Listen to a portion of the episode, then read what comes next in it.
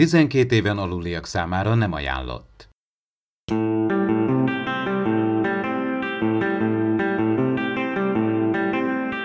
Ez itt az Impulzus Podcast, az űrszekerek Star Trek tematikus epizód kibeszélője. A fedélzeten Csaba, Attila és Dave.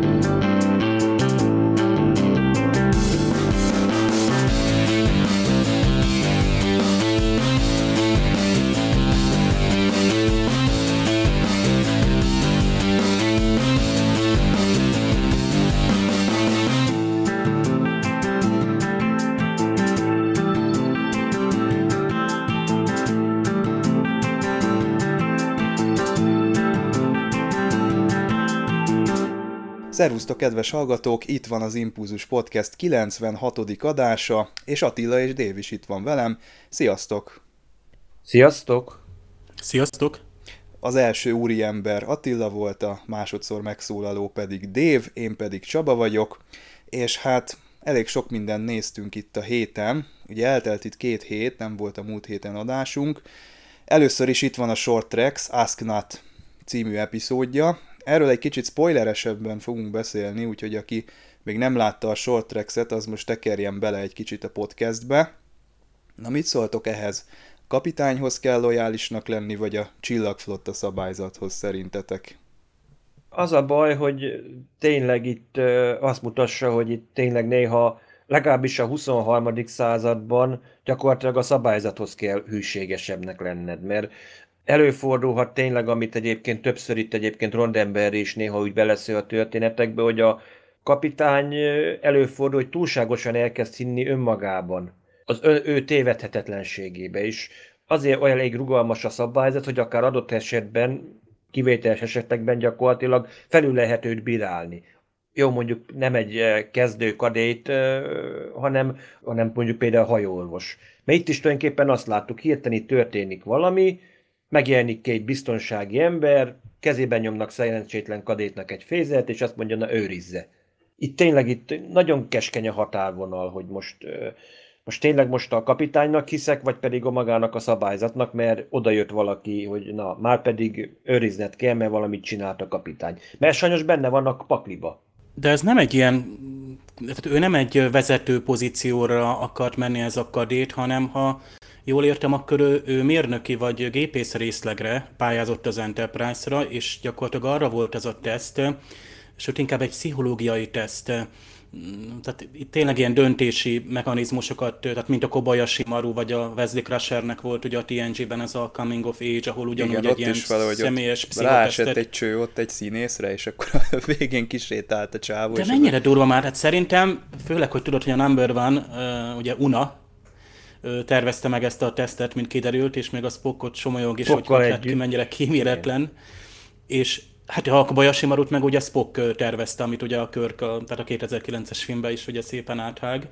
De szerintem ez túl erős. Én ott a Wesley Crusher epizódban, és én tökre sajnáltam a Wesley-t, hogy, hogy ő neki egy személyes élet élményt vesznek elő a múltjából, hogy valószínűleg ő amiatt gyengébb személyiség, mert elvesztette ott a, a, az apját vagy hasonló körülmények között, és ez őt kísérti valószínűleg, és ezért le kellene tesztelnünk, hogy ő hogy reagál ilyen extrém helyzetben ezt már egy mai munkahelyen sem ter, ez egy drill, ez egy, ez egy, ez egy drasztikus, vagy szadista módszer ahhoz, hogy valakinek a, az érettségét leteszteljük. Ráadásul úgy, hogy nem is tud róla. Tehát a mai munkahelyi, tehát munkajog az megtiltaná, hogy téged úgy teszteljenek, hogy te nem tudsz róla. Ez úgy az igazi a teszt, mert ha tudsz úgy róla, az igazi. Akkor Jó, mondjuk a két perc után tudtam. Hozod.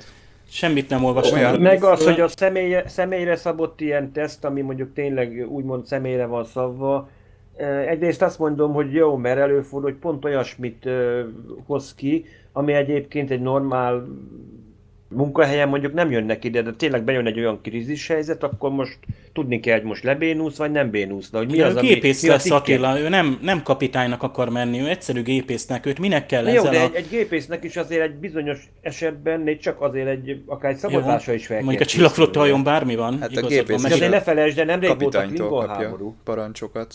Hát itt a Toliánokat Igen, vették visz... elő, és pont őt, őt is ugyanúgy, ez ilyen Burnham szindróma, hogy a Burnhamet annak idején Klingonok támadták meg, vagy mit tudom én már kik, meg hányszor támadták meg gyerek Burnhamet, majd átismételjük, ha jön a harmadik évad, de ez a kadét Sidhu Kadét is, gyakorlatilag őt, őt is toljánok támadták meg, és ő élte túl, és ráadásul a, a teszt szerint a férjét, a fé, az a hajó, amin a férje szolgál, azt is ugye toljánok támadták meg?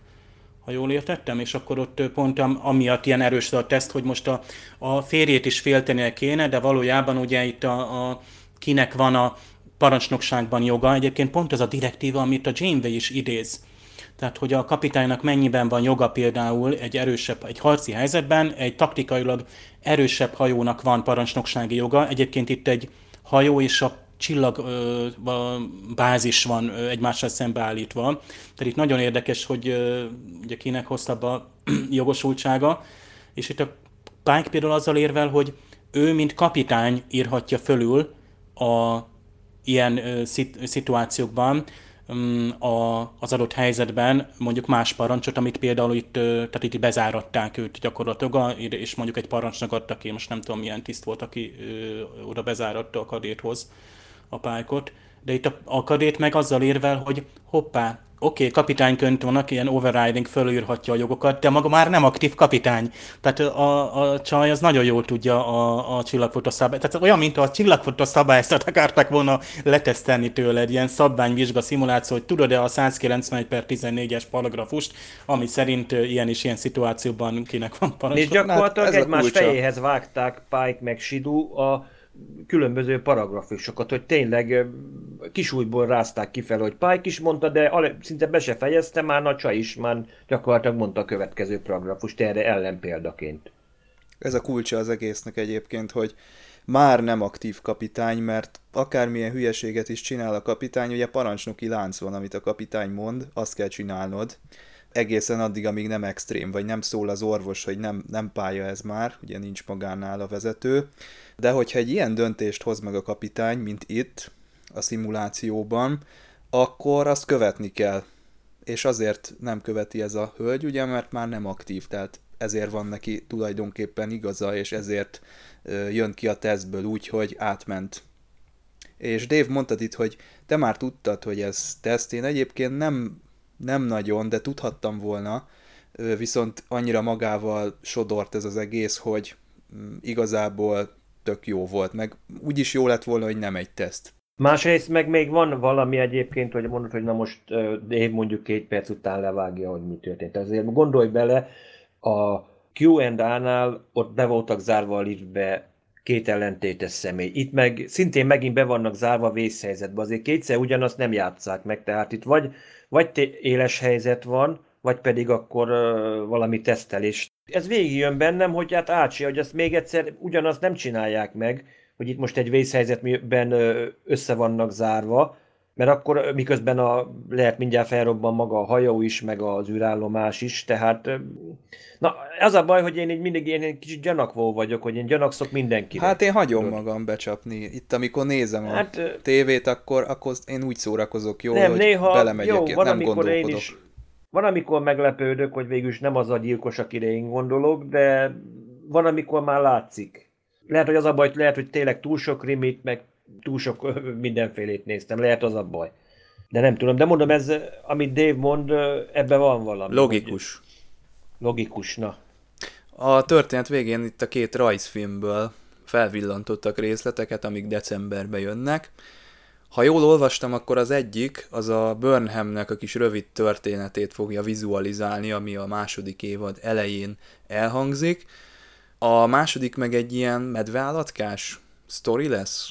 Jól emlékszem? Igen, igen. Hát egy kicsit, nem tudom, nekem a, ez az animáció valahogy a Lilo és Stitchnek a rajzfilmjét jutatja valamiért eszembe, Aha. stílusát.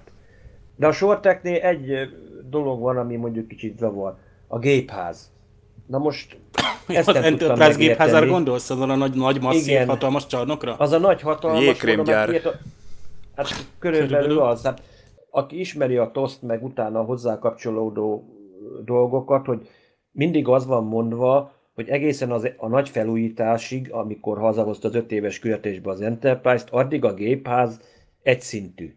Utána lesz két szintre kibővítve, hogy azért vannak ezek a gyönyörű liftek, belső lift, emelőpad, vagy nem tudom, hogy pontosan minek tudnám meghatározni, hogy egyik szintről a másikra tudjanak menni. Itt meg ehhez képest kapunk egy akkora termet, hogy csak na, hogy rögtön felmerül bennem a kérdés, hogy akkor a, mivel ezt tudjuk, hogy ez a térhajtó műegységben van, vagyis az alsó részben nem a felső parancsnoki tányérba, akkor most megint akkor hova férte az a rengeteg űrsikló, meg drone az Enterprise-ba? Tehát itt megint felmerül egy kis összeütközés a dolgokba, hogy valaki már megint elfelejtette, hogy mi mekkora. Dave mondtad itt az elején, adás előtt, hogy mennyire rövid volt ez a rész, és kicsit úgy vettem ki a szavaidból, hogy ez baj. Hát az a legrövidebb short tracks volt, ez, e, ezzel így a, az epizód el is nyerte rögtön a legrövidebb Star Trek epizód, ami valaha is bemutatásra került. Ez mindenképp most egy, egy, egy sajátos rangot nyert el ezáltal. Én megnézésen már nem találtam rövidnek, bár azért néztem, hogy hát 7 percnél már valahol véget ér a, a történet, de hát kerek lezárt egész volt. Tehát megkaptuk azt, amit akartunk, és jó, én se az első percben kezdtem el gyanakodni, de jó is, hát ez kell a Star Trekben, hogy, hogy kezd magadban fűzni, hogy ez a szituáció most mi miért van a Pike ilyen helyzetben, miért, miért itt cselekszik, egy picit agresszívabb, mint hogy eddig megismertük, egy picit oktalan, egy picit többet tud az ászlósról, mint amit, vagy a karétról, mint amit kéne, és akkor tehát ez, ez pont, tehát 7 perc alatt kaptál egy kompakt részt, jól meg volt írva, jól elő volt adva, megint ez a, ez a két személyes, itt úgy tűnik, hogy a short ebben is kell maradni, hogy, hogy frappáns, rövid történet, egy csattanó, nem kell több, a gépházat ki, lett ki lehetett volna hagyni. Tehát elég a, a folyosót megmutatni, hogy folyosó, igen, az Enterprise-on vagyunk, vagy transporter, megérkeztük az Enterprise-ra, és belépünk, vagy megyünk tovább. Tehát egy, egy picit rátettek, tehát a tortára rátesznek még egy, egy, egy, egy szemet, ez rendben van, látványra is kell adni, viszont így elhintették azt, hogy ha majd tényleg lesz egy Enterprise-os sorozat, annak a gépházának, hát így kéne kinézni, de lefogadom, hogy ha lesz, akkor nem így fog, hanem kicsit azért aktualizálják, vagy realizálják, hogy azért ez picit most el volt szállva. Megérkezett Ronaldi Moore-nak is az új sorozata For All Mankind az Apple TV Plus-on, és hát isteni a sorozat. Nem tudom, ti elkezdtétek nézni? Én nézem, sőt már megnéztem tegnap az ötödik részt is, tehát elérkeztem a, az Hű, évad Hát nálam feléhez. csak négy, négyet jelez a rendszer. Hogy van ez? No, igen, most az, az Apple TV-nek az egész felett, amiről itt elindíthatnánk egy, egy, tehát egy fél órás beszélgetést is, de nem, nem ilyen sorozat hát indítsuk el öt percben, mert vagyunk. szerintem össze tudjuk foglalni, hogy csapnivaló a szolgáltatás, ugye? Nagyon gyengén indult, tehát én már regisztrálni is alig tudtam, pedig azt hittem, hogy ma már ez teljesen természetes, tehát ö, aztán rájöttem, hogy hülye voltam, mert amerikai tehát az eredeti amerikai oldalon indultam el, és a per hu oldalon kellett volna elindulnom, és utána már elfogadja a magyar címet, a magyar számlázási cím, magyar bankkártya. Aki ki szeretné próbálni, egyébként én azt súgom, hogy várjatok addig, amíg ki nem jön az összes rész. Tehát aki legálisan szeretné kipróbálni, várjatok addig, amíg kijön mondjuk a tíz rész, még egy pár hétig, öt hétig kell várni, és akkor szépen egy hétig ingyen, nem vesz le a bankkártyádból, szépen regisztrálsz, egy hétig nézed, ott figyelni kell, hogy tényleg lemond időben a szolgáltást a hetedik napon, és szépen végignézed a tíz epizódot, amiből akarod. A többi sorozatba is bele lehet nézni. Én megnéztem a, a kis kapukat De ez teljesen legális. Hát Én három sorozatot tartottam itt érdemesnek, tehát nem biztos, hogy ez rögtön azt mondom, hogy több havi előfizetést megér, mert a For All Mankind az számomra húzó és legizgalmasabb, és tényleg abszolút hozza az elvárásaimat, nagyon korrekt, minden szempontból tökéletes és a másik két sorozatban csak kíváncsiságból, de aztán úgy nézegetem hetente van ez a C, ez ilyen hát post apokaliptikus, vagy nem is tudom, tehát science fiction, mert igazából több ezer évvel a jövőben játszódik, már ilyen lepusztult autópályák, meg még ilyen működő vízerőművek is vannak, de inkább ilyen, hát azt mondanám, hogy egy, egy talán a trónok harca, a vikingek, vagy a Sanara ezt a hangulatot hozza Jason Momával a szerepben, aki egy Marcon a törzsfőnököt alakít, akinek ez a szíve helyén van, és hát valami kataklizma következtében minden embernek eltűnt a látása, és már generációk óta mindenki vak, de van két látógyerek. No ez e köré épül egy ilyen kicsit ilyen a vallásosságot, meg kicsit azt, hogy ez eretnek számít, hogy valaki lát, milyen, hogyha mindenki vak, és azt kell ábrázolni például dramaturgiailag, hogy hogyan beszélgetnek a szereplők, mindenki vak, hogyan vadásznak, hogyan mennek előre mondjuk egy sziklás terepen.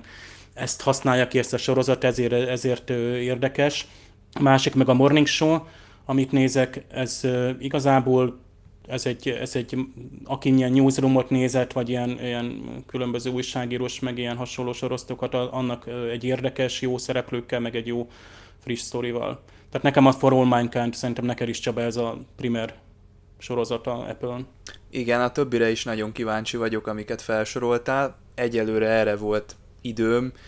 Hát nem volt benne köszönet, amíg gyengélkedett a szolgáltatás. Most már egyébként jó, mert hogy azt csinálta, egy ideig ez a dolog, hogy ilyen 10-15 percenként teljesen eldobta magát. Tehát úgy képzeljétek el, hogy sötét képernyő, újra kellett indítani az egészet, nem jegyezte meg, hogy hol tartottál a filmben, feliratot újra ki kellett választani. Ez a felirat kiválasztás, ez eleve egy gyötrelem volt, mert négy darab magyar felirat volt ott, ami kiválasztható volt. Ezek közül a megfelelőre kellett kattintani, és, és melyik volt a megfelelő? Na hát ez az, amit nem lehetett tudni, mert ugye nem mindig jelent meg, amikor... Random, tehát mindig másodszor Igen. jelent meg, tehát amikor a másodszor kattintottál, és ha ugye 12 percenként vagy 15 percenként elszállt a dolog, utána nulláról kellett kezdened a lejátszást. kellett oda tekerni, igen. Azt se tudod, hogy hol tartottál, nyilván tudtad, mert 12 percnél, 24-nél, meg mit 48 tehát és ugye 60 perces epizódok, egyébként tényleg valamennyi Apple sorozat 60-62 percet... négyszer, ötször leállt, ez azt jelenti a, a sorozat. Pontosan, tehát mindig negyed, tehát gyakorlatilag négy részre volt osztva.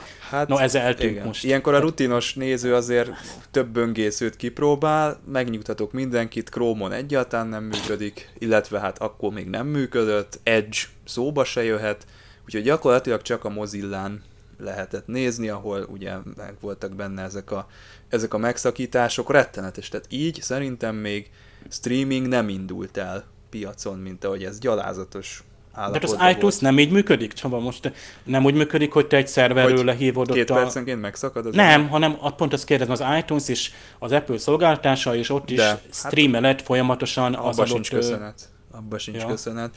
Ott nem áll le egyébként, de ilyen hát nagyon akadozva megy a streaming, még sok hozzászólásban azt is lehet látni, hogy még Apple eszközökön sem az igazi, nem, nem, jó, nem volt jó az iTunes se soha. Tehát ez ilyen tartalom szolgáltatásban az Apple az szerintem sohasem volt ott a szerem. Nem tudom miért van ez, valahogy ez ilyen átoknak tűnik, vagy, vagy valahogy, vagy lehet, hogy nem is érdekli őket. Én már arra is gondoltam, hogy ez egy ilyen slendriánság, ez egy ilyen, ilyen lázadás, hogy tessék, itt van a szolgáltatás, olyan, amilyen, ilyen marad. Tehát én nagyon féltem tényleg attól, hogy így, így marad, és így két éven keresztül így ilyen lesz, de egyébként nem. Tehát ö, azt hiszem másfél hét után megjavult, tehát az utolsó For All Mankind epizód, az már, az már teljes nyugalomban. Te is egyben, egyben nézted meg. Igen. Na de hogy tényleg, Dave, mondtad itt, hogy öt részt láttál, ez a ötödik, ez ma jelent meg, mert én eddig négyet láttam, és azt hiszem, hogy ma is néztem, hogy van-e új rész. A trükk az, hogy mi örökké négy... trükközés, Dave, te Igen, a következő a trükk, elugrasz a, a, ugye, a műsor oldalára, és örökké négy epizódot fogsz látni. Ha csak nem mész el oda a negyedik epizód végén, az előnézeti képnél van egy kis nyilacska, amiről gördítesz, és megjelenik az ötödik epizódon, aminek a magyar címe a végtelenbe. És akkor ez most végig ilyen lesz, tehát én örökké négy cuccot fogunk ott látni a, az, e, a magának a sorozatnak az oldalán, és a többit azt így kell elő gyötörni És te csak rájössz, hogy volt képen már ott van az egész évad. Amúgy a felletben azt tetszik nagyon, hogy a szereplőknek például ott van fénykép, színész neve, karakter baromi sok a karakter. Jó, amúgy. Rengeteg karakter van, és az ügyes trükk, és hogy már a sorozatról is beszélt, ami engem megragadott, és nagyon röviden engem az ragadott meg, hogy az űrhajózás történetet éppen egy-egy pici ponton, tehát ez nem olyan, mint a, hogy Attila, te, Attila te nézett közülünk itt a Ember a Felegvárban, hogy egy elég durva változtás az amerikai meg a világ történelemben, és onnantól már igazából bármit lehet, nem tudom mit hoztak ki belőle, de négy év alig bármit lehet csinálni. Itt nagyon finoman mozogsz. Tehát itt a 60-as évek végén vagy, tizedik Apollo küldetés, ugye nem árulunk el nagy titkot, oroszoknak sikerült először leszállni, és ezt tudjuk, hogy a Leonov is leszállhatott volna, tehát olyan pici különbség volt ott a, a versenyben, hogy heteken... személyek vannak itt, akik... Tele nem... van valós személyekkel. Így van. Még Nixon is ott van, és annyira, tehát tetszik az a megvalósítás, hogy ugye rá van keverve, azt hiszem valahol fényképet látunk, meg fekete fel, felvétel utólag van rákeverve.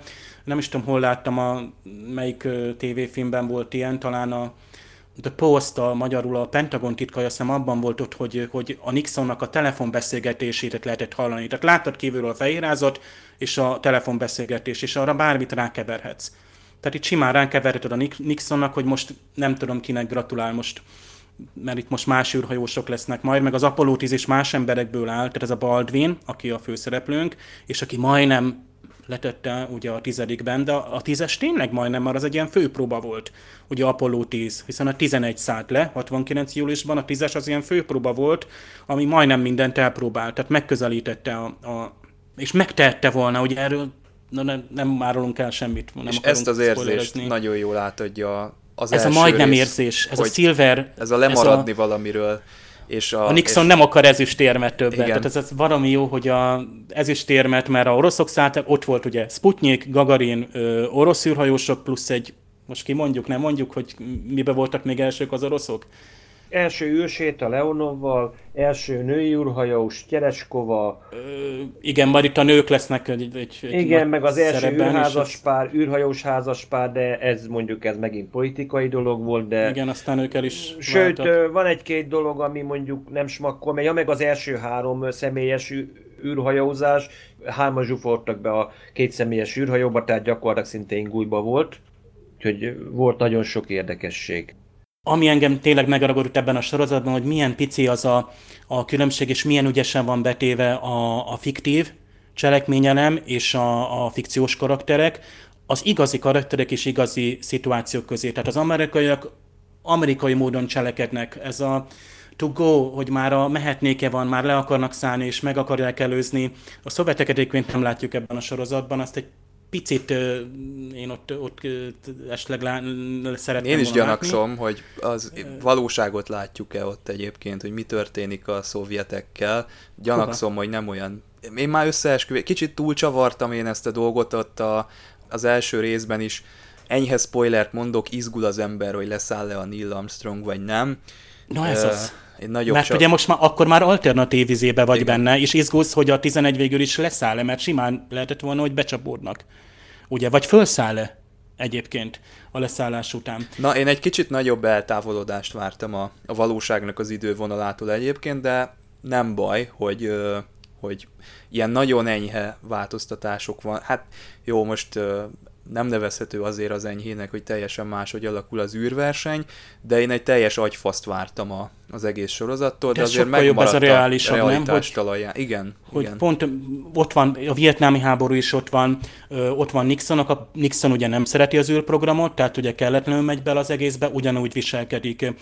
Ugye itt a van két karakter, akik a Gene Kranz, akit például az, az Apollo 13-ban is látjuk a kis mellényében, meg a jó nyílt frizurájával, ugye az Ed Harris játszotta, itt is ott van a, a vezérlőteremben, vagy a Dick Slayton, ugye, aki szintén volt űrhajós, de aztán kiesik a programból, és most már ő mondja meg, hogy melyik csapat. Hát itt már Apollo 20-ról fogunk majd beszélni, egyébként 17-ig ment el az eredeti Apollo, itt meg már nagy léptékkel is halad majd ez a sorozat, tehát ez ügyesen az idővel, néha viszont nagyon belassul, hosszú párbeszédek vannak, rámennek ilyen karakter háttér drámákra, ott egy picit lassúnak érzem, ott sok a 60 perc, amúgy meg nagyon korrektül van ez a, hogy például a, a űrhajók ábrázolása tiszta olyan, mintha tényleg én is úgymond a korabeli tévével vagy ábrázolással nézném, ahogy kinéz egy holdkomp vagy egy, egy holdfelszín, az, az, az tökre tetszik. És hogy nekem, így hallgatom a Szokolébresztőt a Tilos Rádióban, dr. Vince Miklós, aki a Parallaxis Podcastnek is már jó régóta törzs tagja, tehát ő ott 2018 óta űrhajózás történeti, nagyon-nagyon élveztes módon, úgy mondom, hogy középhaladó hallgatóknak, akiknek van egy pici háttérismeret, de elég mélyre megy olyan szempontból, hogy résztesen tényleg a, például volt John Young sorozatuk, megemlékezés szinten, és ott szépen végigmentek az Apollo sorozatban az egészen az STS, tehát a, a, a Space Shuttle küldetésekig. Hold misszió, pont a Hold versenyről, amerikai-szovjet Hold versenyről több szokolébresztő epizód szól, Tiros Rádió honlapján megtaláljátok, én nagyon ajánlom. Tehát ezzel a sorozattal együtt egy olyan komplet, és itt jössz rá, hogy mennyi, mennyi volt valós, és hol van eltérés. Tehát ezek a, főleg a reakciók, az embereknek a, a működés, és ebben jó szerintem a Ronaldi úr, hogy, hogy ez lehetne egy olaj izé, fúró tornyon is játszódó dráma, de jól vannak megírva a karakteret, jól működnek, jól reagálnak az adott szituációnak megfelelően. Érzed, hogy ez, ez pont így történhetett volna, ha mondjuk az oroszok szállnak le először, vagy mondjuk akkor most nem Skylab lesz, hanem Moonlab, tehát itt gyakorlatilag ilyen pici ízék, hogy most csak egy picit térünk el, és akkor arra rögtön reagálunk, és realitásban ez egy nagyon intenzív időszak volt. Tehát ott a Mars küldetés is már elhangzott, hogy 60-es években hogy folytassuk, vagy 70-es évek elején. Mi legyen Mars, űrbáz és a többi reálisan, ezek voltak, és a Nixon szépen sorban előtte is maradt a Space Shuttle, az is 81-ben, vagy mikor indult. Tehát itt, itt gyakorlatilag itt nem is annyira merészes sorozat, hanem pont olyan reális, hogy nem is sci már, hanem egy ilyen alternatív dráma. Szóval ajánljuk. Attila megnézte a Mandalóri sorozatot, és arra kérlek, hogy azért spoilermentesen add át az érzést. Én azt olvastam, meg többektől hallottam élőben, hogy hát ez, ez az a Star Wars, amire várunk már nagyon régóta. Tulajdonképpen azt mondanám, hogy igen. Két apróság van, ami mondjuk nekem kicsit zavart. Nincsenek azok a klasszikus Star Wars-ban megszokott zenék, hogy teljesen új zenei hangulatot kapunk, tehát hirtelen nem érzed azt, azt a feelinget, csak a látványt, mert maga a látvány az azt mondom, hogy az tényleg olyan elemek vannak benne, amiket egyébként ismerünk, akármelyik filmből, tehát sőt, nem csak a magából a filmből, hanem korábbi, akár ha képregényeket nézünk.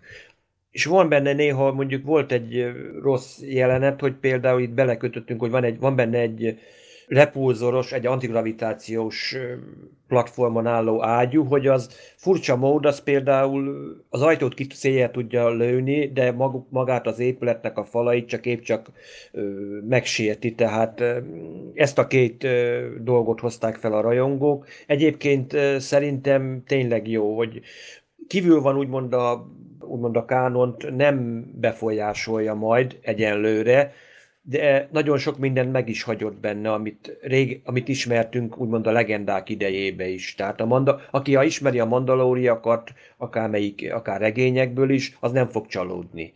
Ez nem, ő nem, valószínűleg nem Boba Fettről van szó, hanem egy ismeretlen mandalóri felvadász. Én azt mondom, hogy ezt érdemes lesz végignézni. Kisebb-nagyobb hibák lesznek benne továbbra is, de szerintem ez eddig, eddig még a legjobb a Zsivány egyes mellett. Bocsánat, a zenéről jut eszembe, Csaba, hogy a Jeff Russo a zeneszerzője a For All Mankind-nak, a főcímzenének. Egyébként baromi jó a főcíme, tehát nekem a Discovery után rögtön ez a kedvenc főcímem és minden Apple sorozat ilyen hosszú főcímet kapott, ilyen kicsit absztrakt elvont, és, és tök jó. A Mandaloriéhoz csak egy, nekem nagyon tetszik, kétszer megnéztem, és a vége, tehát a, a stáblistának a, a zenéje, meg ott ezek a konceptat rajzok gyönyörűek, tehát aki még csak nem is szereti vagy ismeri a Star Wars-t, érdemes megnézni, mert vizuálisan gyönyörű, és tök jó erőteljes a, a zenéje. René Auberjonois kapott valami életmű díjat, én erről lemaradtam. Attila, hogy volt ez? Mit kapott ő? Ő valóban életmű díjat egy nemzetközi filmfesztiválon Fort Lauderdale-ben Amerikában, ő ott kapott egy díjat, hát ezt röviden megemlékeztek a én is csak tulajdonképpen Twitter hírbe olvastam, mert nem találtam sajnos olyan nagyobb infót, mert csak éjszaka láttam benne, de szerintem megérdemli, mert tényleg ő egy jó, Magyarországon hát leginkább csak ódóként ismerjük, mint szereplő, de tényleg egy nagyon sokoldalú színész, tehát én azt mondom, hogy gratulálok neki, én is, mint, a, mint nagyon sokan. Szerintem megérdemli mert tényleg nagyon sok mindent letett az asztalra, hogy láttam így egy összevágásos, montázsos képen, hogy tényleg szinte mindent játszott, ami, ami azt mondom, hogy ilyen erősebb karaktertípus. Rossz fiút, jó fiút, papot, mindent. Még egy szolgálati közlemény van hátra. Sándor nevű hallgatónk jelezte, hogy lerepül a feje az autóban, amikor megszólalnak az Impulzus podcastben a zenék, illetve a bejátszások, úgyhogy egy kicsit halkítottunk a dolgon, jelezzétek nekünk, hogyha nem megfelelő a hangerő, és megpróbálunk közbelépni, javítani a visszajelzésetek alapján a műsorélményt. Az űr. A legvégső határ. Ennek a végtelenjét járja az Impulzus Podcast csapata. Céljuk a Star Trek tematikus hírek és epizódok kibeszélése, és hogy a magyar rajongókat eljuttassák oda, ahová még senki sem merészkedett. Az űrszekerek közösségi flotta hetente megjelenő kibeszélőjét az impulzus.űrszekerek.hu címre kattintva találod, Vagy inkább tudományos és fantasztikus élményekre vágysz? Akkor csatold be az öveket és csatlakozz hozzánk a Parallaxisban. A Tilos Rádióban hallható szokolébresztő testvérműsorában kedvenc science fiction filmjeink és sorozataink hátterét vizsgáljuk, emellett pedig a filmvásznon és a képernyőkön megjelenő technológiák tudományos megalapozottságát feszegetjük Csabával, aki mérnök, Miklóssal, aki fizikus, és Ádámmal, aki nem. Az epizódokért kattints a tudományisfantasztikum.hu oldalra. Add át magad a tudománynak és a fantasztikumnak. Kattints a podcast.őrszekerek.hu-ra és hallgasd a műsorainkat a nap bármely szakában, bárhonnan, bármilyen eszközön. podcast.őrszekerek.hu Figyelem! A műsorban spoilerek bukkanhatnak fel. A Triskelion játékmestereit néztük meg, ami a második évad 16. epizódja az eredeti sorozatban. A mikrofonok mögött továbbra is Attila és Dév, én pedig Csaba vagyok. Nagyon meglepődtem, amikor megnéztem most ezt a részt, illetve újra néztem, mert hogy már láttam egy párszor. Sokkal nagyobbat ütött, mint ahogy vártam.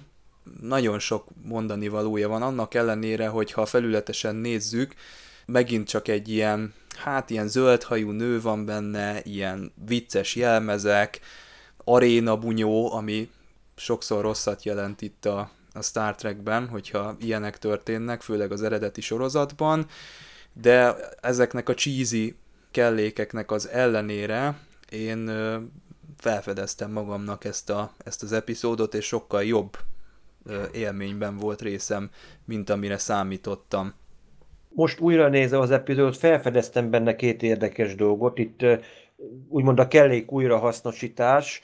Ha aki megnézi az egyik rabszolga gladiátornak a felszerelését, ott például ugyanaz, ugyanaz a tör, harci tör van egyébként az oldalán, mint amit például a Mirror Mirror epizódban, tehát ugyanúgy azt a Terrán harci tört használja, és amit látjuk az a hölgy, az a, azt az érdekes ilyen fogas szerelt csatabárdal próbál ott harcolni, az mondjuk egy elég érdekes, mert egy ahhoz hasonló fegyver egyébként például később, majd a Jedi visszatérbe visszatér egyébként. Egy ehhez hasonló, jó mondjuk a fogas része nem lesz, de ugyanolyan penge van egy fel. George Lucas egy... odafigyelt itt a részletekre már. Persze, szerintem biztos nézte gyerekkorában, vagy fiatalon, és valószínűleg megtetszett, csak mondom, azt nem értettem, hogy ilyen háromlábú valamiről van szó, hogy úgyhogy nyugodtan fel lehet állítani is, és akkor el van. Hát kabátot ne rakjunk rá, mert elvágja. Tehát valószínűleg itt is valami villámgyors kellék összeállítás volt. Nekem is De... ez jutott eszembe, hogy ez egy ilyen ruhafogas, vagy egy ilyen kórházi, Igen. amire hát ráakasztják hát azt a... Igen, csak annyi, hogy be, gondolom, vagy befújták ezüst festékkel, vagy staniol papír, de mondjuk de túlságosan sima, tehát valami ezüst színű festékkel bekerült.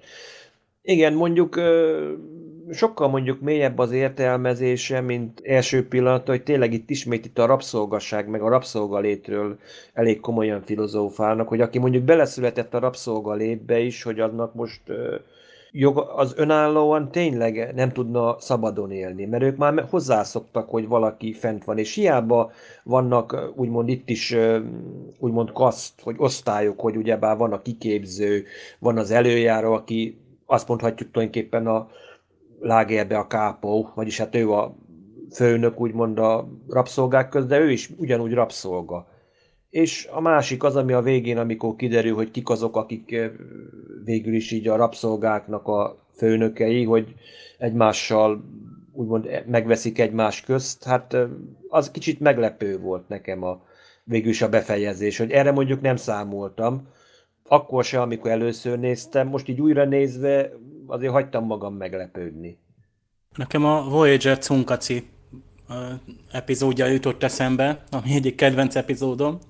A, a Szikla, abban szerepel Dwayne The Rock Johnson, meg a Thor Ragnarök, ami szintén egy kedvenc filmem, de mind a kettő azért elég kemény dolgról szól, hogy egy egész társadalom, vagy egy, egy ilyen intézményrendszer épül fel arra, hogy, hogy valakit hát rabszolgaságba tartunk, és az úgymond egy evidencia, és akkor hát Persze, ahogy Attila is mondta, hogy a rabszolgák között van, aki ilyen kiképző. Egyébként ott a magyarba el is sikkadt ez, hogy ez ilyen drill troll, tehát rabszolga kiképzők voltak, tehát mint a, a Shana is, tehát ő gyakorlatilag hát ugyanolyan rabszolga, és ő is ott a, a nyakörv.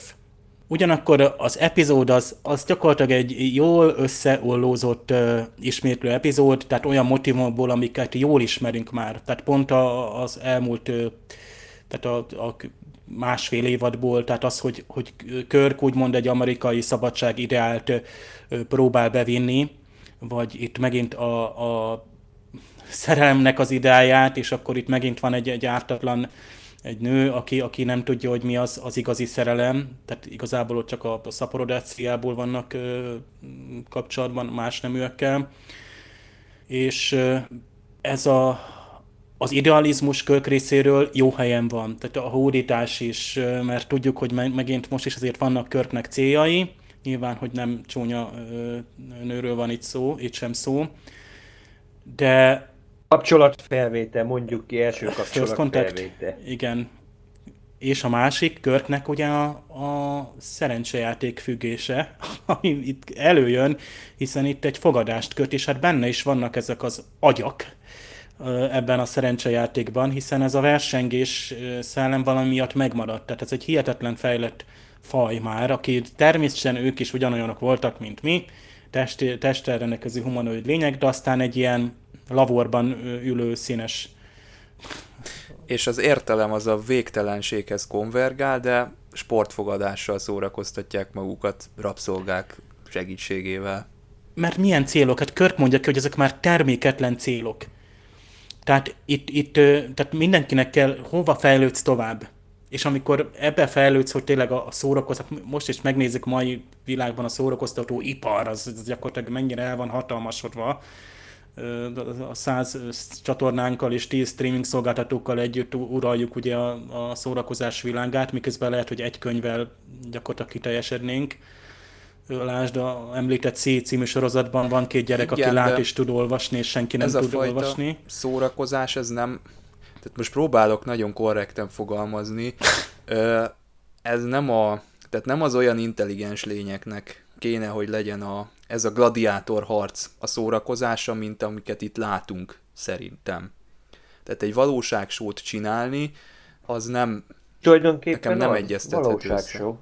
Ez mégis egy valóságsó, olyasmi, hogy ők már, mivel látjuk azt a három magyart, ők annyira beleunt, annyira unatkoznak ők ott hárman, meg annyira felemelkedetnek érzik magukat, ez, ez, ez a tipikus egyébként, hogy mindenki ügye, csak én vagyok helikopter effektus, hogy ők már hogy annyira fejletnek érzik magukat, hogy számukra úgymond a földhöz ragadt, vagy akár csillagközi civilizációk számukra már csak egy kis játék, hogy mint amikor, te, mint amikor a gyerek leül a hangyaboly mellé, és akkor egy fűszállal mondjuk böködi a hangyákat, vagy nagyítóval nézi őket, vagy húz egy vonalat, vagy valamit, tehát ők tulajdonképpen ugyanitt vannak egyébként, pedig egy hihetetlen technológiát használják, hiszen látjuk, hogy van itt valószínűleg ilyen multidémon, valamilyen szubtértransporterük is van, mert hát fényévekről tudnak itt transportálni, és meg tudják figyelni, hogy a föderációt is, mert hiszen van körköt is ellopják, elrabolják, körkéket, hogy be tudnak nyúlni a másik transporter technológiát, tudják figyelni, és a Andoriánt is loptak, tehát már nem először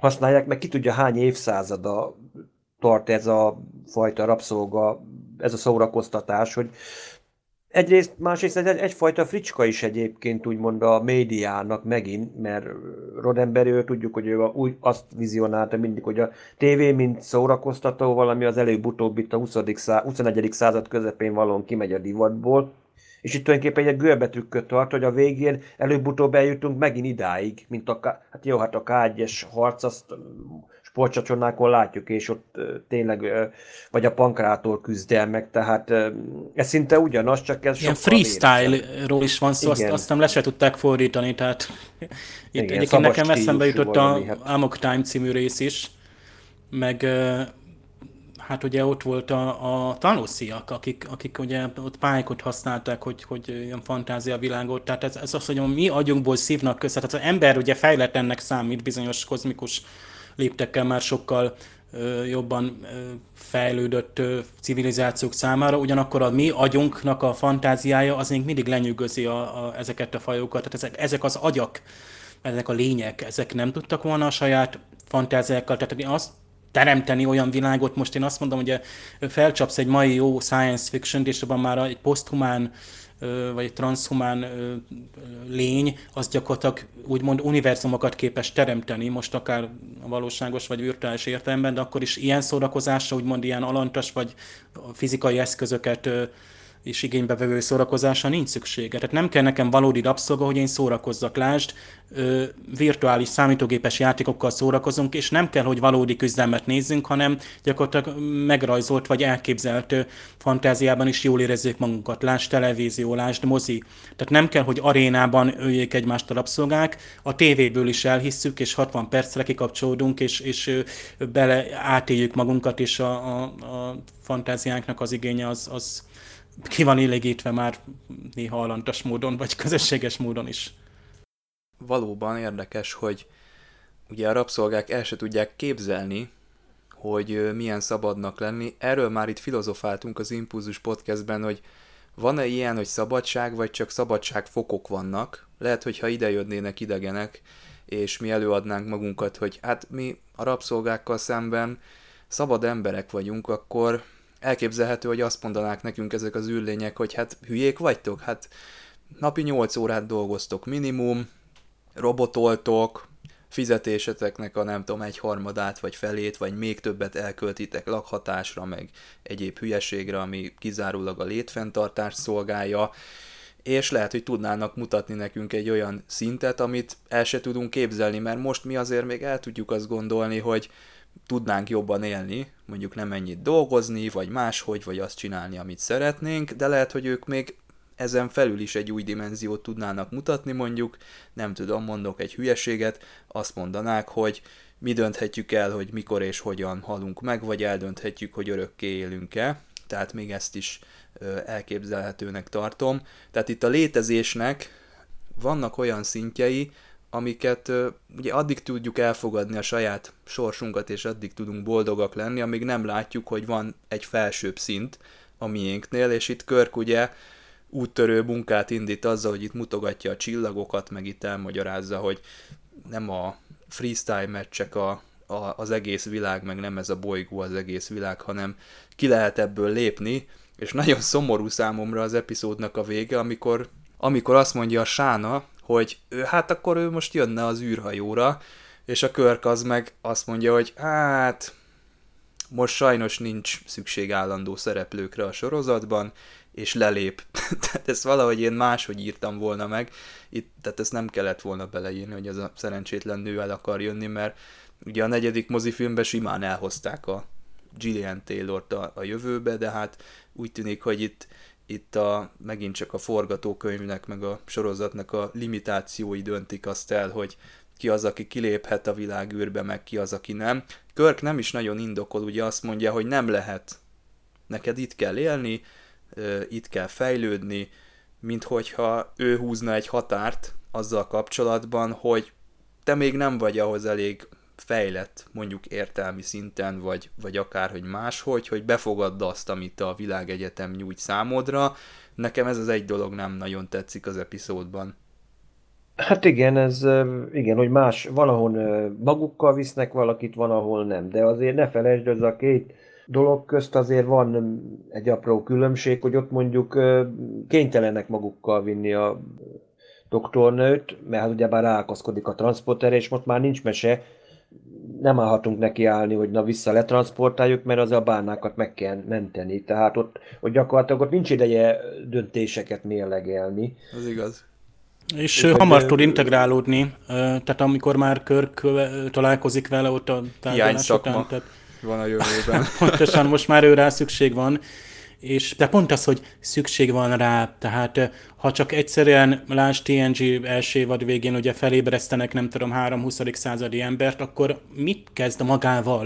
Tehát az eddigi ö, élet céljaid vagy körülményeit, hogy igen, meg kell küzdened a, a lakhatásért és a mindennapokért, de aztán jól érzed magad, mikor ugye ö, leizzadtad azt a ötnapos munkahetet, amiből egyébként lehetne négy nap, tehát lehetne optimalizálni itt, egyelőre. De ugye mi van a felszabadult időben, tehát itt, itt mindig az van, hogy azért járnak iskolába a gyerekek, hogy tanuljanak meg, hogy legyenek valahol, hogy úgymond az idő alatt, hogy mondjam, a szülők nem tudnak velük foglalkozni. Tehát van egy csomó praktikus vonatkozás annak, hogy, hogy a, a mai világ, akár a munkának a világa, akár a, a társadalomnak a, a fejlődése miért így ö, ö, működik, hogy... Tehát tudnál most... vitatkozni az idegenekkel, akik számunk kérnek minket a szabadidőnkkel kapcsolatban most kell a, a szabad idő. idő. Tehát most ilyen az ember, hogy szüksége van a szórakozásra, mert, mert ezek, ezekben olyan, mint amikor álmodsz, hogy ezekben a, a fajta szórakozásokban éljük ki magunkat, tehát az egész szocializáció úgy van fölépítve ma, meg ugye a 60-es években, amikor az epizód született, hogy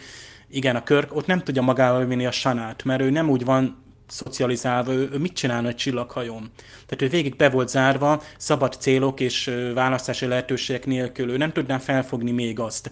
Tehát tényleg ott a tanárokat kéne küldeni, hogy nem tudom, hogy szokták csinálni a föderáció, amikor ezért van az, hogy a kapcsolatfelvétel akkor jó, amikor tényleg egy kilép az az illető, tehát a, a saját, az a bolygó, az a faj, az a, azok a lények felfogták, hogy hatalmas az univerzum, nagyobb táblatok vannak, és például ezért szoktuk mondani, hogy nekünk például lehet, hogy most a 21. század emberének nem lenne akkora ütés, az a kapcsolatfelvétel, mert jelen pillanatban nem állunk ott, hogy, hogy az akkora di, olyan dimenzióváltás jelentsen nekünk és az egyéni életünkben. Itt nagyon óvatosan kell, tényleg azért kellenek direktívák, hogy itt a, a körkapisány se vihet mindenkit magával, tehát a legszebb nőket sem, és különben is mit kezdene, tehát a előbb-utóbb az Enterprise lenne utasokkal, vagy vendégekkel, akik nem produktívak, és előbb-utóbb rosszul éreznék magukat. Szebb nőkkel lenne tele a Enterprise. Valószínűleg egyébként is pont Körk szállása van. Valószínűleg, de mondjuk tényleg mindig itt obi ra próbálok utána, ő szokta mindig mondani, hmm. meg Yoda Mester, hogy nem menthetsz meg mindenkit.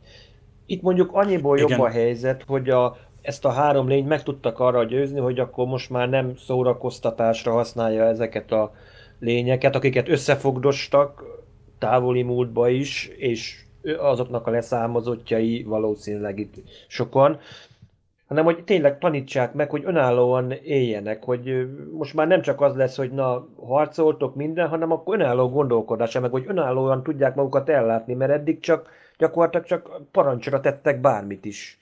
Hogy ott volt rajtuk a nyakörv, a, a, a nyakörv mondta meg, hogy ez szabad-e, vagy nem szabad, megkapták a parancsokat mindig egy hierarchiába, hogy az előjárónak megmondták, hogy mit kell csinálnod, ő megmondta a többinek, és akkor úgymond egymást büntették ez a gondoskodás, hogy ez a providers, ugye ez a három agyas lény, egyébként most nem tudom most milyen lények ők, tehát ők az eltartók vagy gondoskodók, akik ellátják, tehát egy, egy gyermeki társamat, egy ilyen naív társamat tartanak fel. Itt nincs rabszolgalázadás, mert nincs dimenzió, ahova lázadjál.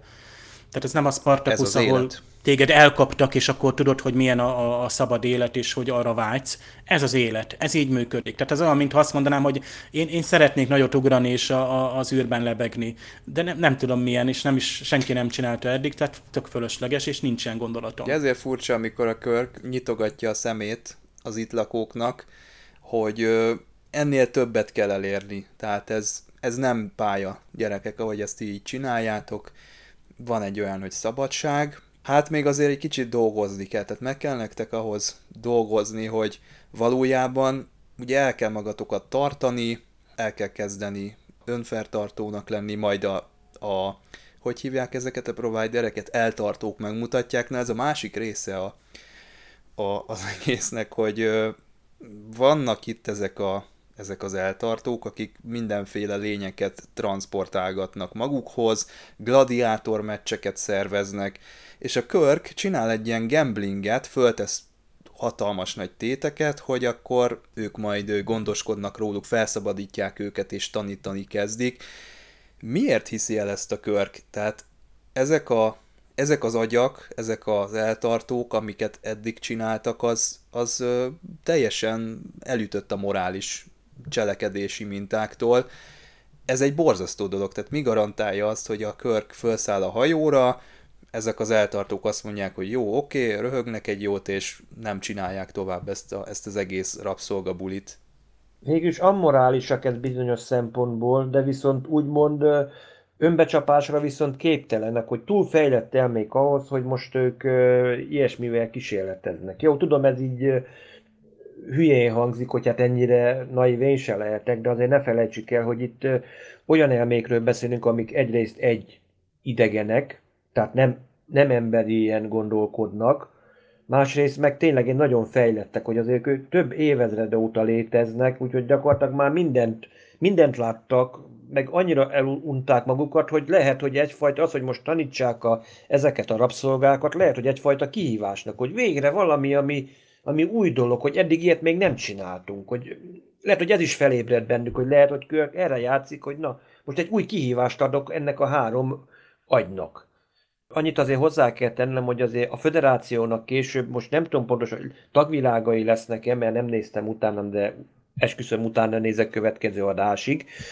Aki látta a Deep Space Nine-t, a Dominium háború alatt, miután visszafoglalják magát az űrállomást, úgy emlékszem, van egy jelenet, ahol Kira és valaki, még egy személy ott vannak a teherraktérbe. Különböző feliratok vannak ott a henger, ilyen nagy hordokba tárolnak különböző alkatrészek, meg készleteket, és van néhány ö, olyan hordó, amin például a Triskelionnak ez a jelvénye van, ez a, amin a küzdő arénának a jelképe, ez a furcsa háromszög, piros-sárga egyébként az egész.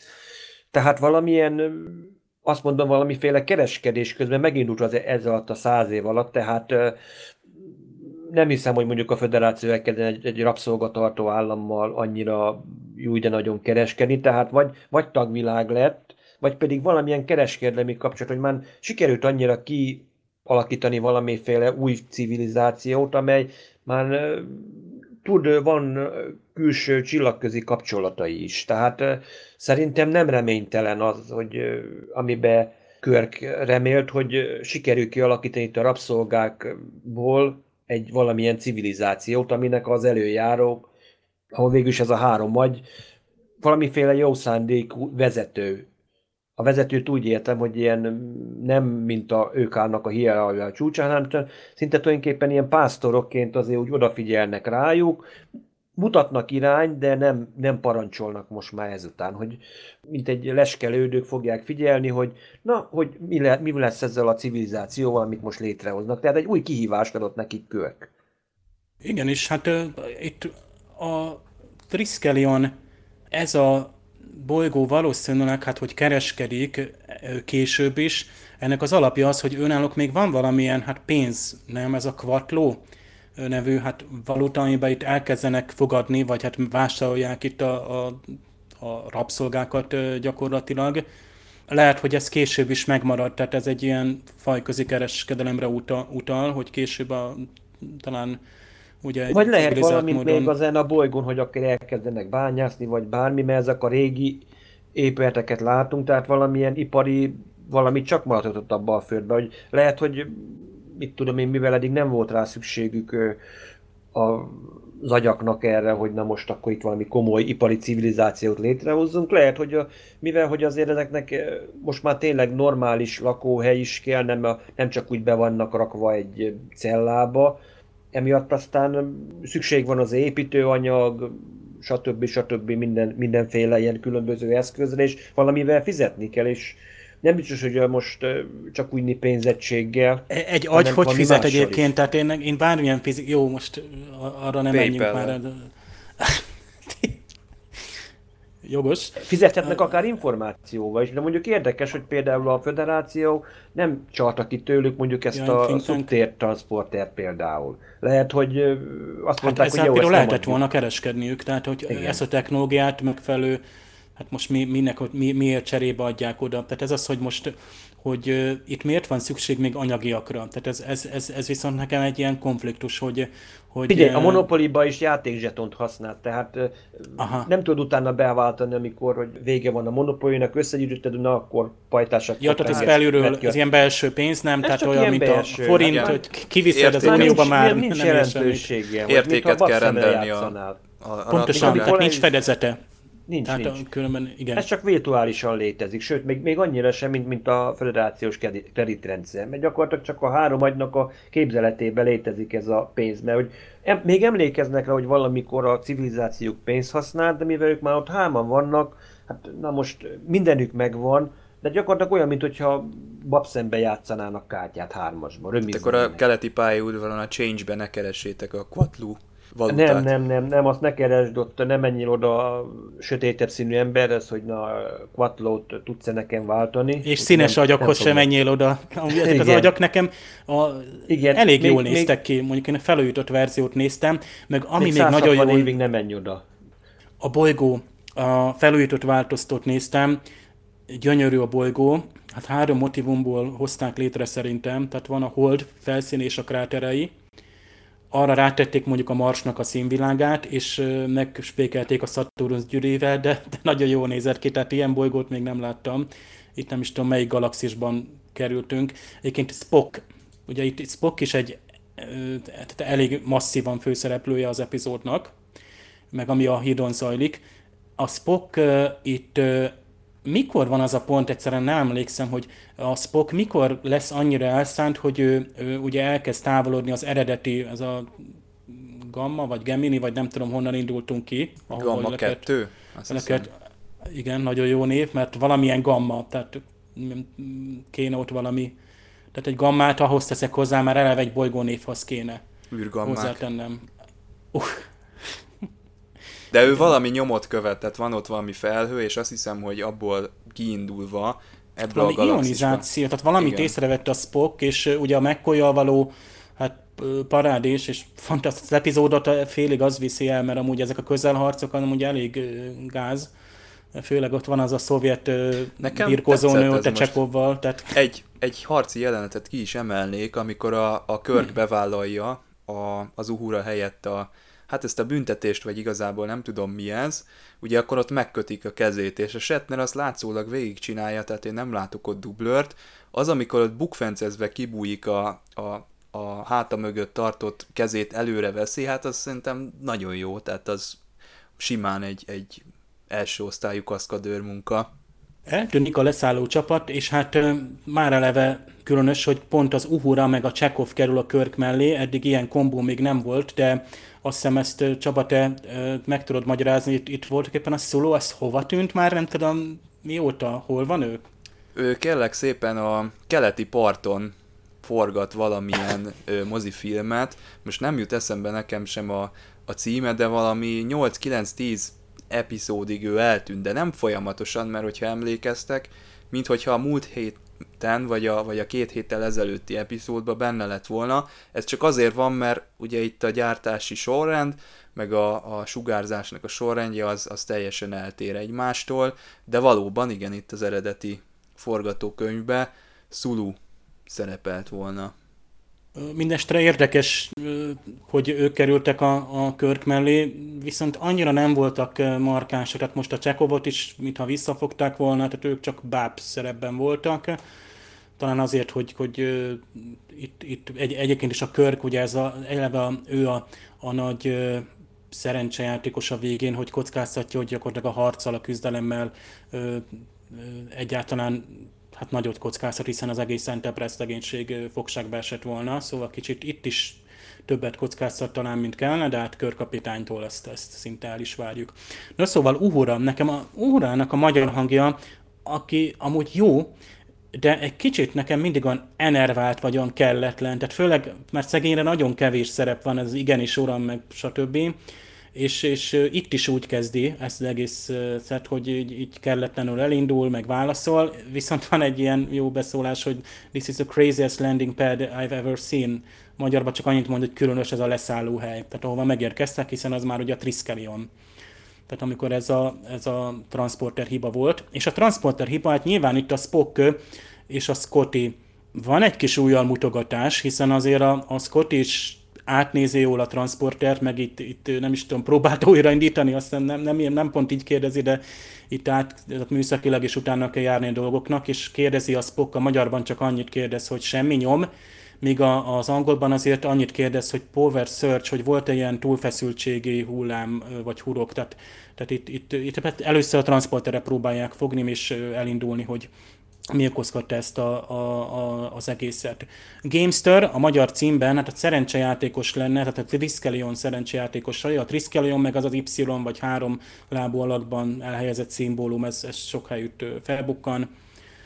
nekem, hogy a Shieldnek a fő És egy három, három nap van ebben a rendszerben, ugye? Még ez is És talán... Kirk mondja is, hogy ez igen, hogy a háromnapú rendszer. Tehát, hogy nem azon a bolygón vannak, ahol lenniük kéne. McCoy, nekem azt tetszik, hogy a McCoy néha zsémbesebb a, a magyarban, mint az angolban. Pedig az angolban sem mond rosszakat, hogy ez a what the devil is happening, mi a fene történt, vagy mondjuk az angolban aztán mond egy olyat, hogy ez a szemtelen logika, ami nem tetszik. Mondjuk ez egy nagyon régi toposz, hogy a, a McCoy azért nem bírja a Spockot, vagy azért van köztük a, a húzavona, mert a, a Spocknak a szemtelensége vagy a közönye böki a csőrét. De valójában hát már 40 epizóda együtt vannak, vagy nem tudom, másfél éve szolgálnak együtt, tehát ezt már megszokhatta tőle, tehát ez már egy ilyen karakterelem, egy jellemkomikum, amelyünk két szereplő között feszül, ezt veri el a néző, hogy zsémbelődjenek, hogy a Spock jöjjön, ugye, hogy ő tudományosan valamit megalapozottnak tart, tehát amikor van az a rész, hogy Spock feláll, hogy én vagyok a parancsnok, ezt a Scotty meg a mccoy szemben mondja, ebben az irányba megyünk, ha csak nem akarnak lázadni. És akkor hirtelen a Scott is, hát képes a hetes fokozatra mégiscsak, tehát egy kicsit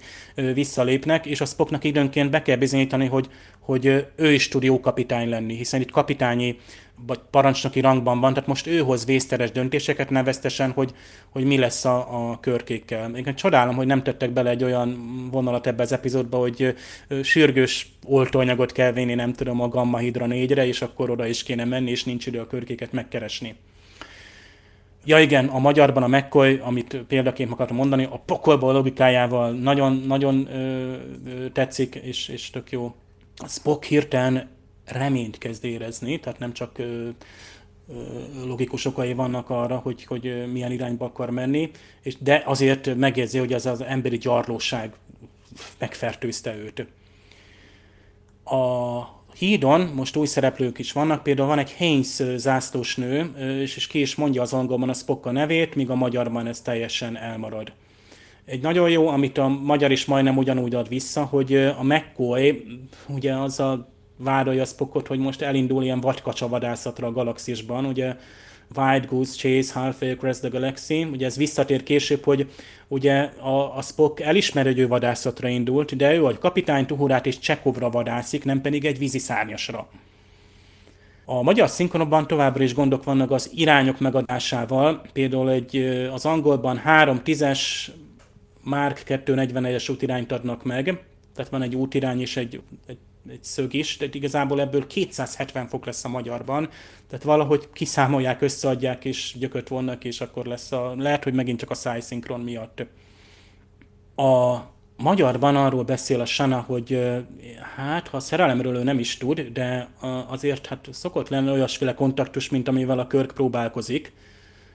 Bár azért, azért csodálkozom, hogy a, a csók ezek szerint úgymond, mint a, ilyen intim aktus, ez nem ismert előtte, de ezek szerint ott tényleg csak a szaporodás zajlik le.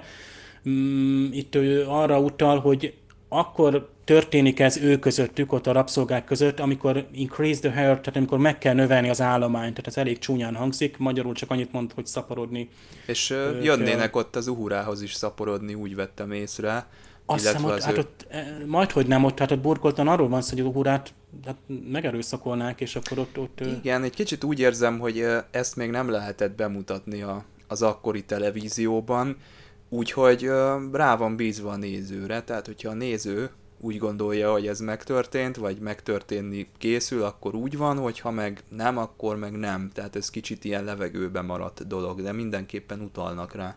És végül az agyak az agyak túlhaladták az ember we evolved beyond it, tehát a, a test nélküliség, de még nem a teljes testetlenség, hát mondhatni, hogy szerintem ez a köztes fejlődési állapot még, tehát hogy csak az agyra redukálva, és ne felejtjük, hogy közeleg, közeledik a Spock's Brain című epizód, amiben ugye Spock agyát ilyen szuperkomputerként használják a egyik bolygón, és akkor a McCoy ugye ránéz, ugye, és Spocknak üres, tehát nincs ott az agya, a gyengélkedőn. Tehát ez, ez arra utal, hogy itt vizuálisan még szükség van arra, hogy, hogy itt ezek a lényeket úgy ábrázoljuk, hogy, a, hogy ők már túlhaladták a, a, az emberi fejlődésnek azt a részét, amikor ugye a, akár a, a testiség, vagy a testi szükségletek, vagy vágyak, vagy akár a, a bármi, tehát leállás, táplálkozás, anyagcsere, nyilván ez jótékonyan hallgat az epizód erről, tehát ezt túlhaladták, de azért még ott van az agy,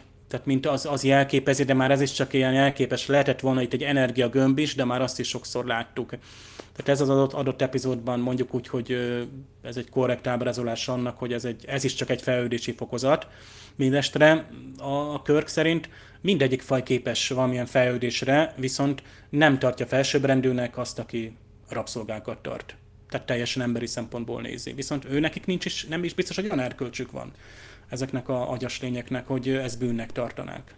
Talán nem véletlen, hogy az agy, mint szimbólum jelenik meg, ugye ez a nyers értelem, nincs mellette a szív, ami mondjuk érzelmeket, erkölcsi érzéket, meg minden mást, ami ellen tud tartani a pragmatizmussal és, a, és az ammoralitással. Tehát nem jelenik ez meg, ilyen értelemben lehet, hogy ez egy szimbolikus választás.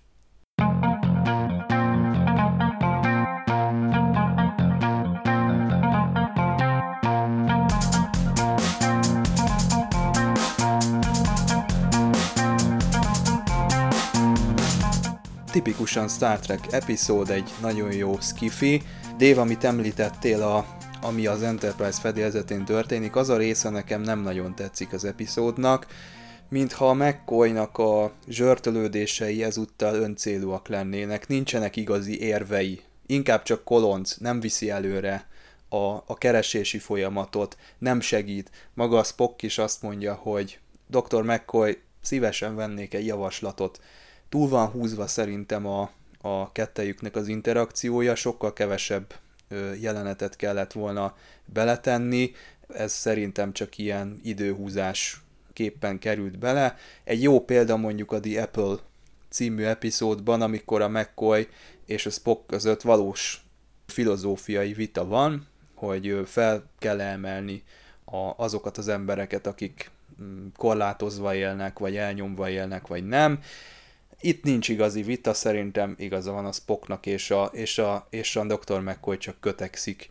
Ami a bolygón történik, az viszont ö, minden egyes jelenet nagyon jó, nekem még a harci jelenetek is tetszettek, bár abban egyet tudok érteni, hogy ez, ez már ízlés kérdése, lehet, hogy ezek már rosszabbul öregedtek, ezek a csaták, illetve hát igen, ezek a ruhák, ugye amikor a körkit félmeztelenül szaladgál, igen, egyetértek azzal, aki, akinek ez már sok, ez már túl eredeti sorozat, de én ezért is szeretem, mert a, a díszletek azok iszonyúan erre a korszakra utalnak, és összetéveszthetetlen ennek a egésznek az atmoszférája.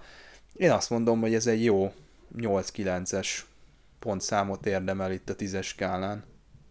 Szerintem is egy mondjuk egy 8-ast megérdemels, vagy akár 9-est is, mert Egyrészt, mint azt mondom, hogy tényleg itt a komoly filozófiai érték, hogy most mi is a rabszolgaság, meg mit lehet tenni az, hogy most egy hogyan, hogyan tudnánk kirántani egy, egy rabszolgákat, kirántani a saját rabságukból, hogy mert nincsen előttük semmilyen kiút, hogy hogyan kell, és nem lehet csak annyi, hogy na most már szabadok vagytok, és akkor menjetek Isten hírével, mert gyakorlatilag akkor halálra őket hosszadalmas folyamatról lenne szó. A másik meg tulajdonképpen ugyanígy a rabszolgasság tulajdonképpen lehet, hogy akkor még nem gondolták, de tényleg egy ilyen görbetükör nekünk is, hogy annyira mi a civilizáció rabjai vagyunk, hogy szinte mi is nem látjuk, nem látjuk a falakat, de a szabadságunkat feláldoztuk, hogy tényleg, ahogy mint korábban is mondtuk, hogy gyakorlatilag adót fizetünk, szinte mindenhova már be vagyunk jelent, jelent vagy itt, itt lakunk, itt dolgozunk, meg van határozva, hogy hogy mehetünk, mi, miken kell mennünk, stb. stb. pénzért dolgozunk, a pénzünket is ellenőrzik. Hát minden, tehát meg ráadásul a szórakozás is, hogy gyakorlatilag már akár ilyen, majd hogy nem már ilyen gladiátorharc is, jó, nem életre halára, de mondjuk létezik most már tényleg akár az interneten is, vagy akár a különböző ilyen televízió csatornákon, szolgáltatókon, hogy gyakorlatilag már majd, hogy nem ilyen, ilyen durva játékokat is nézünk, mert egyszerűen olyan magas már az inger küszöbünk. Tehát azt mondom, ez egyrészt egy ilyen kicsit a mai 21. századi embernek is egy komoly tükröt tart, hogy hoppá, azért nézd meg, hogy tulajdonképpen, ha nagyon megnézzük, mi vagyunk ott lenne az arénában, csak nem vesszük észre. De azt mondom, hogy tényleg ez még ma is aktuális epizód nagyon sok dologban. Tényleg tipikusan TOSZ epizód, amit, amit be lehet tenni egy gyűjteménybe, hogy, hogy azok a motivumok vannak benne, amiket el szeretne mondani az eredeti sorozat, és jól is teszi. Bár nekem kellett, nekem pont a hídon való jelenetek kellettek, ha bár ott, ott persze, hogy a régi nótát fújja a McCoy is, és persze, hogy nincsenek neki se értelmes érvei, de, de én szeretem, tehát az ő kettősük jól van játszva. És nyilván, hogy a, a, a sorozat kereték között ez nagyon jól működik. A mai sorozatban már persze, hogy erőltetnek tűnne, tehát ezek a folyamatos körök, amiket ismétlünk, és mondjuk itt a Scotty az kicsit hogy háttérbe szorult, bár őt is gyakorlatilag ott is volt egy konfliktus, hogy ő is ugye műszaki oldalon próbál, ugye, hogy, hogy a transporterrel volt-e hiba. Mindig tetszik a nyomozás, keresünk, kutatunk valamit, lépésről lépésre haladunk. Tehát ez, ez, ez, ezért szeretem, hogy az eredeti sorozat ilyen lassú idézőjelben. Tehát látjuk azokat a lépéseket, azokat a következtéseket. Odalent Körk sem éri el rögtön a célját, tehát őnek is kell egy terve, kellnek szövetségesek. Most hirtelen a, a Pikár jut eszembe, amikor van az a nagyon jó dupla rész, amikor ilyen zsiványok között van. Nem is tudom, hogy Gambit, vagy mi is Gambit, a igen. címe. Lehet, hogy valami ilyesmi lesz a mostani Pikár sorozat is és, vagy olyan, mint a Mandalorian űrveszten. Na mindegy, tehát ezek a kicsit, amikor elszakadunk a, a hajótól, mindig ez van, hogy szeretjük nézni, hogy a, a szereplőink a, ezekben a idegen környezetekben, adott esetben mindenféle technológia nélkül, pusztán mondjuk furfanggal kell, hogy boldoguljanak. Lást most Körk, aki mondjuk itt kockáztat, de pont Körtől elviseljük, vagy elnézzük ezt, vagy elvárjuk ezt, hogy hát mégiscsak ő körkapitány, őnek ő, ő szerencsés is. Tehát ő neki egy attribútum, hogy, hogy a szerencsés a nőknél sikeres. Tehát itt is egy, egy hát egész véletlenül nem, egy, nem az a szovjet matróna, vagy markotányos nő került vele együtt párba, mint a Csekov kapott, vagy ez a nagy darab őstulok, az a Lars, vagy nem tudom, aki ott a úra. Tehát mondom, hogy, hogy jól beosztották ott a gondviselők, vagy a providerek ezeket, hogy ki, ki, kivel kerül majd edzőpárba. Ez a Így provider, rendben. ez rímel a producer szóra. Lehet, hogy VM Shatner elítették, hogy hát figyelj, hogy három főszereplő lenne, és kivel akarsz több jelenetet. Nagy filozófia van itt is mögött. Tehát itt a, a elsőleges irányelv nincs kimondva, de a beavatkozás, mennyiben tudunk fejleszteni egy, egy, egy népet, mi van, ha oda megyünk, rabszolgasságot találunk, és rögtön beavatkozunk, no, mi lesz utána? Akkor jó, akkor küldjünk oda tanárokat, filozófusokat, építsünk iskolákat, kórházakat, ugye ez sokszor elhangzik a, a Star Trekben, de akkor megint csak a saját szájunk kéze szerint történik. Tehát megint ez, hogy, hogy oké, okay, hogy bolygók Egyesül Föderáció, és az hordoz már egy ilyen interkulturális nagy eszményt, hogy milyen, ha több fejlett faj fog össze, és kialakul egy ilyen közös erkölcs, amiben például a rabság, rabszolgaság az egyértelműen el van ítélve de ha ezek az agyas lények, az ő számukra ez nem jelent ö, erkölcsi problémát, és lásd a rabszolgák hát nem érzik rosszul magukat, vagy ő nekik már be van építve, hogy olyan, mint hogy ne nyúlj a, a főzőlaphoz, mert megégetted a kezedet, és ne csinálj hülyességet, vagy ne mond, ne lépd át a kiszabott határokat, mert akkor ez a nyakkörvez megszúr. Aztán pont a Gambitben is ugyanezekkel a nyakkörvekkel ö, operálnak, és hát nyilván, hogy ez, ez, ez ilyen Deus Ex Machina, vagy ilyen plot device, hogy, hogy, hogy van egy felsőbbrendű eszköz, aki, amivel be tudok avatkozni és, és irányítani az embereket, és milyen jó szórakozok. Lást Q. Hát Q is ott a végtelen galaxisba utazhatna, időben és térben, és kivel szórakozik? Mondjuk Pikárral meg más csillapot a kapitányokkal, mert, mert szereti a kihívást, tehát Q-ban ugye ezt, ezt bírjuk, hogy, hogy ott van visszavágó, tehát ha a Q nem a egysejtőekkel szórakozik. Tehát ahol, ahol nincs kihívás. Szóval itt, itt vannak jó motivumok az epizódban, mindestre annyira nem emlékeztes, hogy nem, nem sok minden maradt meg bennem, hogy amikor most hát újra néztem, de hogy ezt mikor láttam utoljára, ezt, ezt fogalmam sincs, de, de jó, jó volt újra nézni, és hát főleg, hogy egy igencsak jó epizód közeledik, ezért, ezért érdemes volt ezt megnézni, mert jön egy, jönnek az epigonok aki az eltartóknak a szobájában a Janus 4 bányász kolóniát vélte felfedezni, az nem tévedett, ugyanis ugyanazt a hátteret használták, és az alternatív faktorban a Lazarus járművének is megjelent a búrája, ezek alatt voltak tulajdonképpen ezek a gumicukor agyak. Ez egy érdekes, hát így evolúciós szempontból, hogy miért ilyen színes agyak fejlődtek ki, de lehet, hogy ez már ilyen optikai tuning, hogyha ugye rabszolga meg minden, akkor már ezt is kinézem belőlük. Erre a hétre viszont megköszönöm a figyelmet, kedves hallgatók. A jövő héten visszajövünk. Dave, melyik epizódra utaltál itt az előbb, annak mi a címe? Mert most nincsen előttem. A Piece of the Action, tehát a gangsteres. Á, és az a következő? Ha így kellene mondani. Bizony, tehát Ez nagyon jön? haladunk a, nagyon jó. az Ó, évadban. Az nagyon jó lesz. Hát akkor a Piece of the Action-nel várunk titeket, kedves hallgatók. Köszönjük a figyelmet, sziasztok! Sziasztok! Sziasztok!